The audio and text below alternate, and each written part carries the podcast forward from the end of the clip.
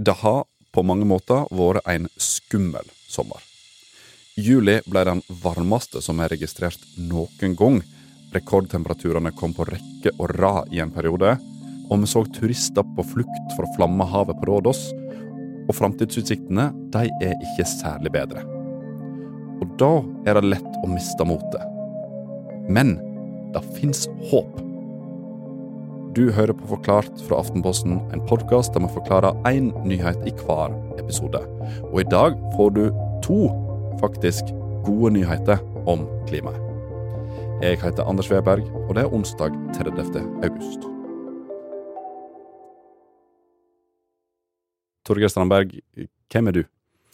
Jeg er journalist i Aftenposten og skriver om nyheter, og har spesielt skrevet en del om eh, klimateknologi og industri de siste årene. Litt sånn større løsninger. Jeg er litt mer opptatt av teknologien som eh, f.eks. industrien bruker, og er ikke så opptatt av om du skal kutte en biff til middag eller den type ting. Du var inne på nøkkelordet eh, løsninger, for du har jo kanskje mot alle odds, kan det føles som, funnet to gode nyheter om klima som faktisk kan bety noe. Ja, jeg har vært eh, rundt på masse fabrikker i, i Norge og snakka med dem om eh, hva de på en måte planlegger for å kutte utslipp eh, fremover. Og det er spesielt to ting som jeg syns er veldig interessant, som, som, peker seg ut. For når vi snakker om klimatiltak som virkelig monner, så er det ikke nødvendigvis snakk om at du kan ete én eller to biffer i måneden, eller hva det måtte være, selv om det også har mye å si i det store bildet dersom alle gjør det. Men det er i industrien og i teknologien de virkelige gjennombruddene kan skje. F.eks. i landbruket, der Torgeir fant den første gode nyheten. Nærmere bestemt ute på Ås på Norges miljø- og biovitenskapelige universitet. Hvor er det vi på vei? Jeg var ute på Ås i våres, og der har de klart å dyrke frem en bakterie som spiser eh, klimagassen eh, lystgass. Og det høres jo litt sånn eh, merkelig ut, men det som, er, det som er greia da, er at alt som lever, det spiser noe, og det gjør også bakterier. Og i jorda så er det veldig, veldig mange av de. Eh, men problemet er at når man f.eks. gjødsler eh, jordet sitt for at man skal ha mer, eh, eller større avlinger, så er det veldig mye av de bakteriene som spiser dette nitrogenet da, som er i, i, i gjødselet. Og da skaper de lystgass. Det er en sånn prosess som skjer. Du kan liksom sammenligne det litt med kuer. At uh, kuer driver og pumper og stykker uh, atmosfæren vår. da. Lystgass er en veldig sterk klimagass. Den er 300 ganger mer oppvarmende enn det CO2 er. Men den nye bakterien som de har klart å dyrke fram, den spiser lystgass for å forstå hvorfor dette er et gjennombrudd, så trenger vi en liten kjemileksjon. Og vi må begynne med nitrogen. For i lufta som vi puster, så er mesteparten faktisk nitrogen. Og det er selve livsgnisten til nesten alt som lever. Både oss og plantene som vi trenger for å leve. Problemet er at dette nitrogenet finnes det lite av i jorda som plantene vokser i. Og da måtte vi finne en løsning på. Derfor tilføres nitrogen i stor grad på kunstig vis til jorda. Man bruker f.eks. møkk fra dyr som inneholder litt nitrogen. Eller så bruker man det som Aftenposten faktisk kårer til tidenes norske oppfinnelse. Nitrogen pakket inn i små hvite korn, bedre kjent som kunstgjødsel. Og vi er helt avhengig av kunstgjødsel for å produsere nok mat uh, i verden. All right. Men uh, hva er problemet med kunstgjødsel, da? Nei, altså Problemet er jo denne lystgassen, eller nitrogenoksid, som det egentlig heter. Det er jo en svært kraftig klimagass, som sagt. Og i Norge står lystgass for litt under 5% av utslippene våre. Og nå har altså forskerne ute på Ås funnet ei revolusjonerende løsning. Kanskje. Du sa du var begeistret eh, på SMS? Ja. det, ja. Det er vel det ordet som eh, best beskriver eh, hvordan det føles når man får så gode resultater eh, som det vi har fått. Ja, De har klart å utvikle en metode hvor de klarer å isolere en bakterie som trives både på laboratoriet og ute på jordet. Og resultatet var at eh, opp mot 95% av lystgassen ble spist opp fra jorda der bakterien levde, før den da slapp ut i eh, atmosfæren. Så det er jo ekstremt oppsiktsvekkende. Vi har jo fått eh, i noen tilfeller en eh, lystgassreduksjon på 95% og i de dårligste tilfellene 40% som uansett er kjempebra. ikke sant? Men hva er det som skal eh, til for at det de har funnet ut ute på Ås, skal bli til noe som faktisk bidrar til å kutte utslipp eh, i stor skala på verdensbasis? da? Ja, det er jo litt vanskelig å gå fra laboratoriet til den faktiske verden, det er det sikkert alltid, men den utfordringen de står overfor nå, er jo på en måte å få pakka det inn i et godt format. altså eh, Litt sånn som kunstgjødsel, som er veldig tilgjengelig og veldig enkelt å bruke. Hvis man får det til med dette, den bakteriekulturen, gjerne også sammen med kunstgjødsel, da har man virkelig klart å gjøre det tilgjengelig og, og lett å bruke. da. Og dersom det funker som det skal, så kan forskerne på Ås ha funnet ei løsning på et klimaproblem som en fram til nå har sett på som helt uunngåelig. Og det er en god nyhet. Og snart får du en til.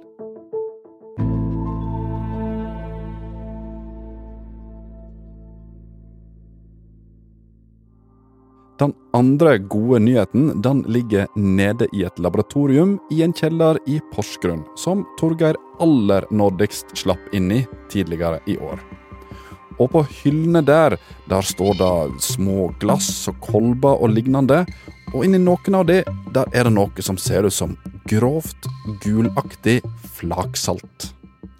Ja, det vi ser er eh, aluminiumklorid, og her i laboratoriet klarer de å lage det raskt og effektivt og med en akseptabel mengde energi. Det var på en måte premisset for, for den teknologien, og det har de nå fått til.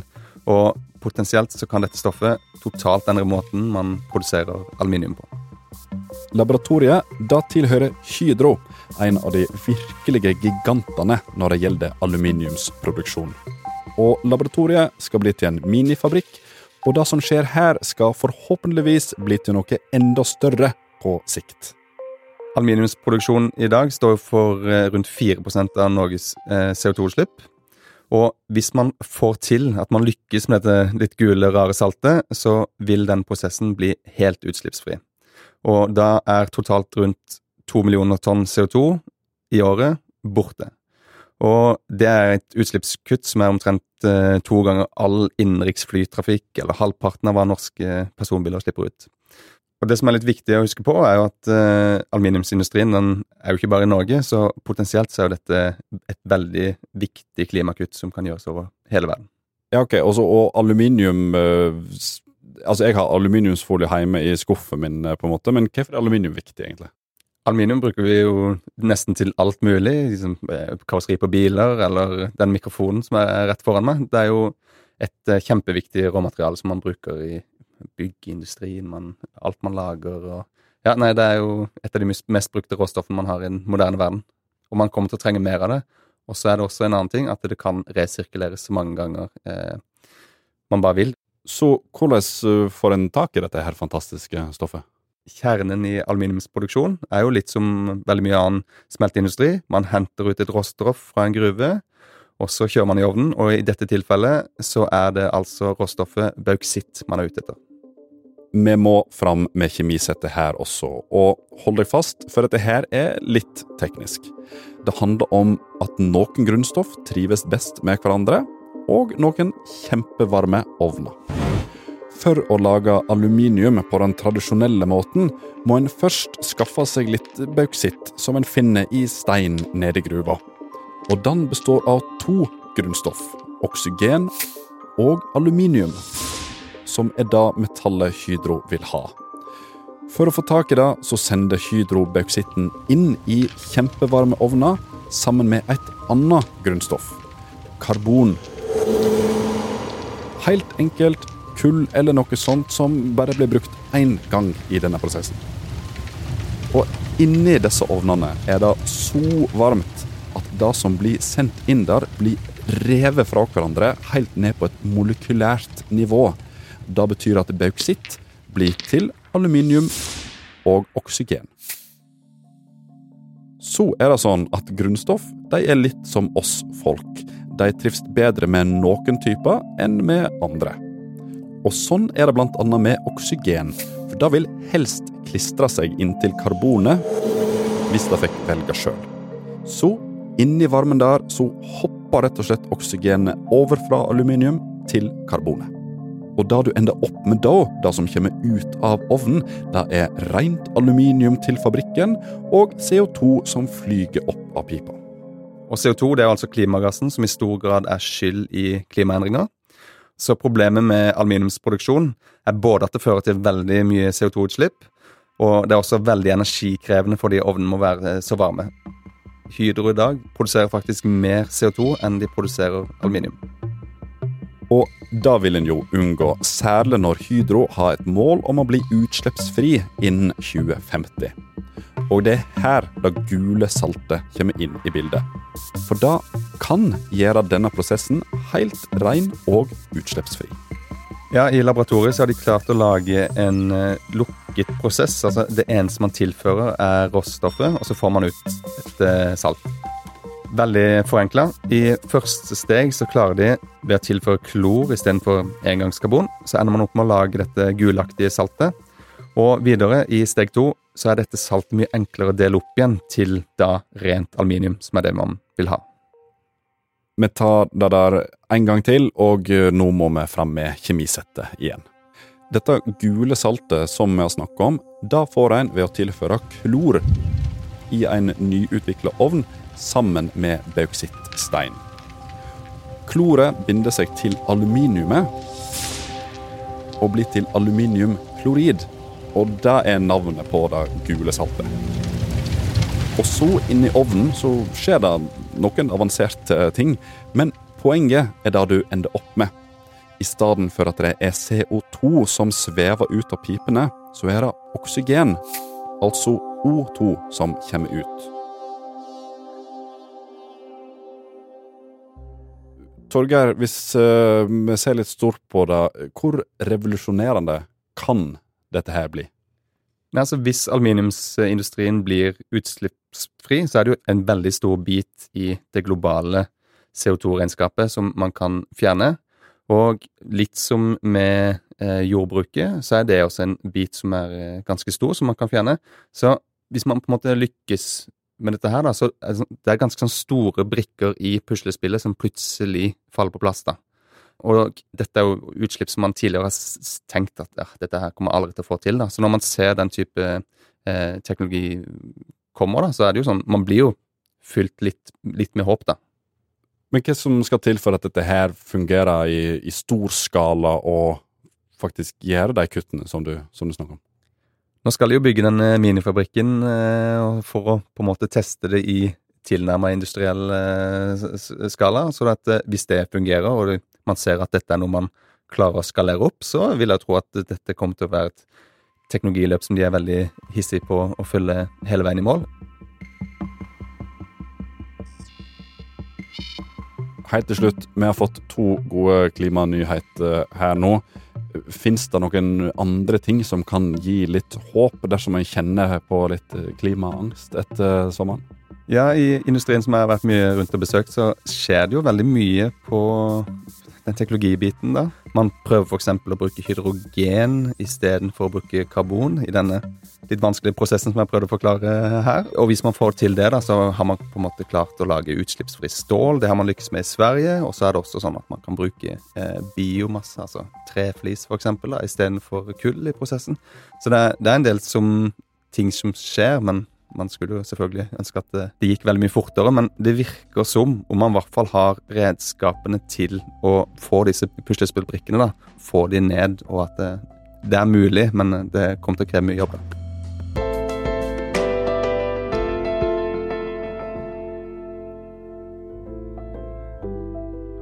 Du har hørt en podkast fra Aftenposten. Det var Torgeir Strandberg som ga deg to gode klimanyheter. Denne episoden er laga av Fride Nes Nonstad og meg, Anders Weberg. Og resten av Forklart er Olav Eggesvik, Jenny Førland og Synne Søhol. Du har hørt noen opptak som Torgeir gjorde sjøl ute på Norges miljø- og biovitenskapelige universitet. Er du usikker på hva du skal stemme på i valget? Vi i Aftenposten har laget noen spesialutgaver, en liten valgomat. Men jeg vil påstå at det er morsommere å høre på oss enn å ta en sånn valgomat. En episode om hvert parti, så nå er det bare å høre fram mot valget 11. september hos Podme.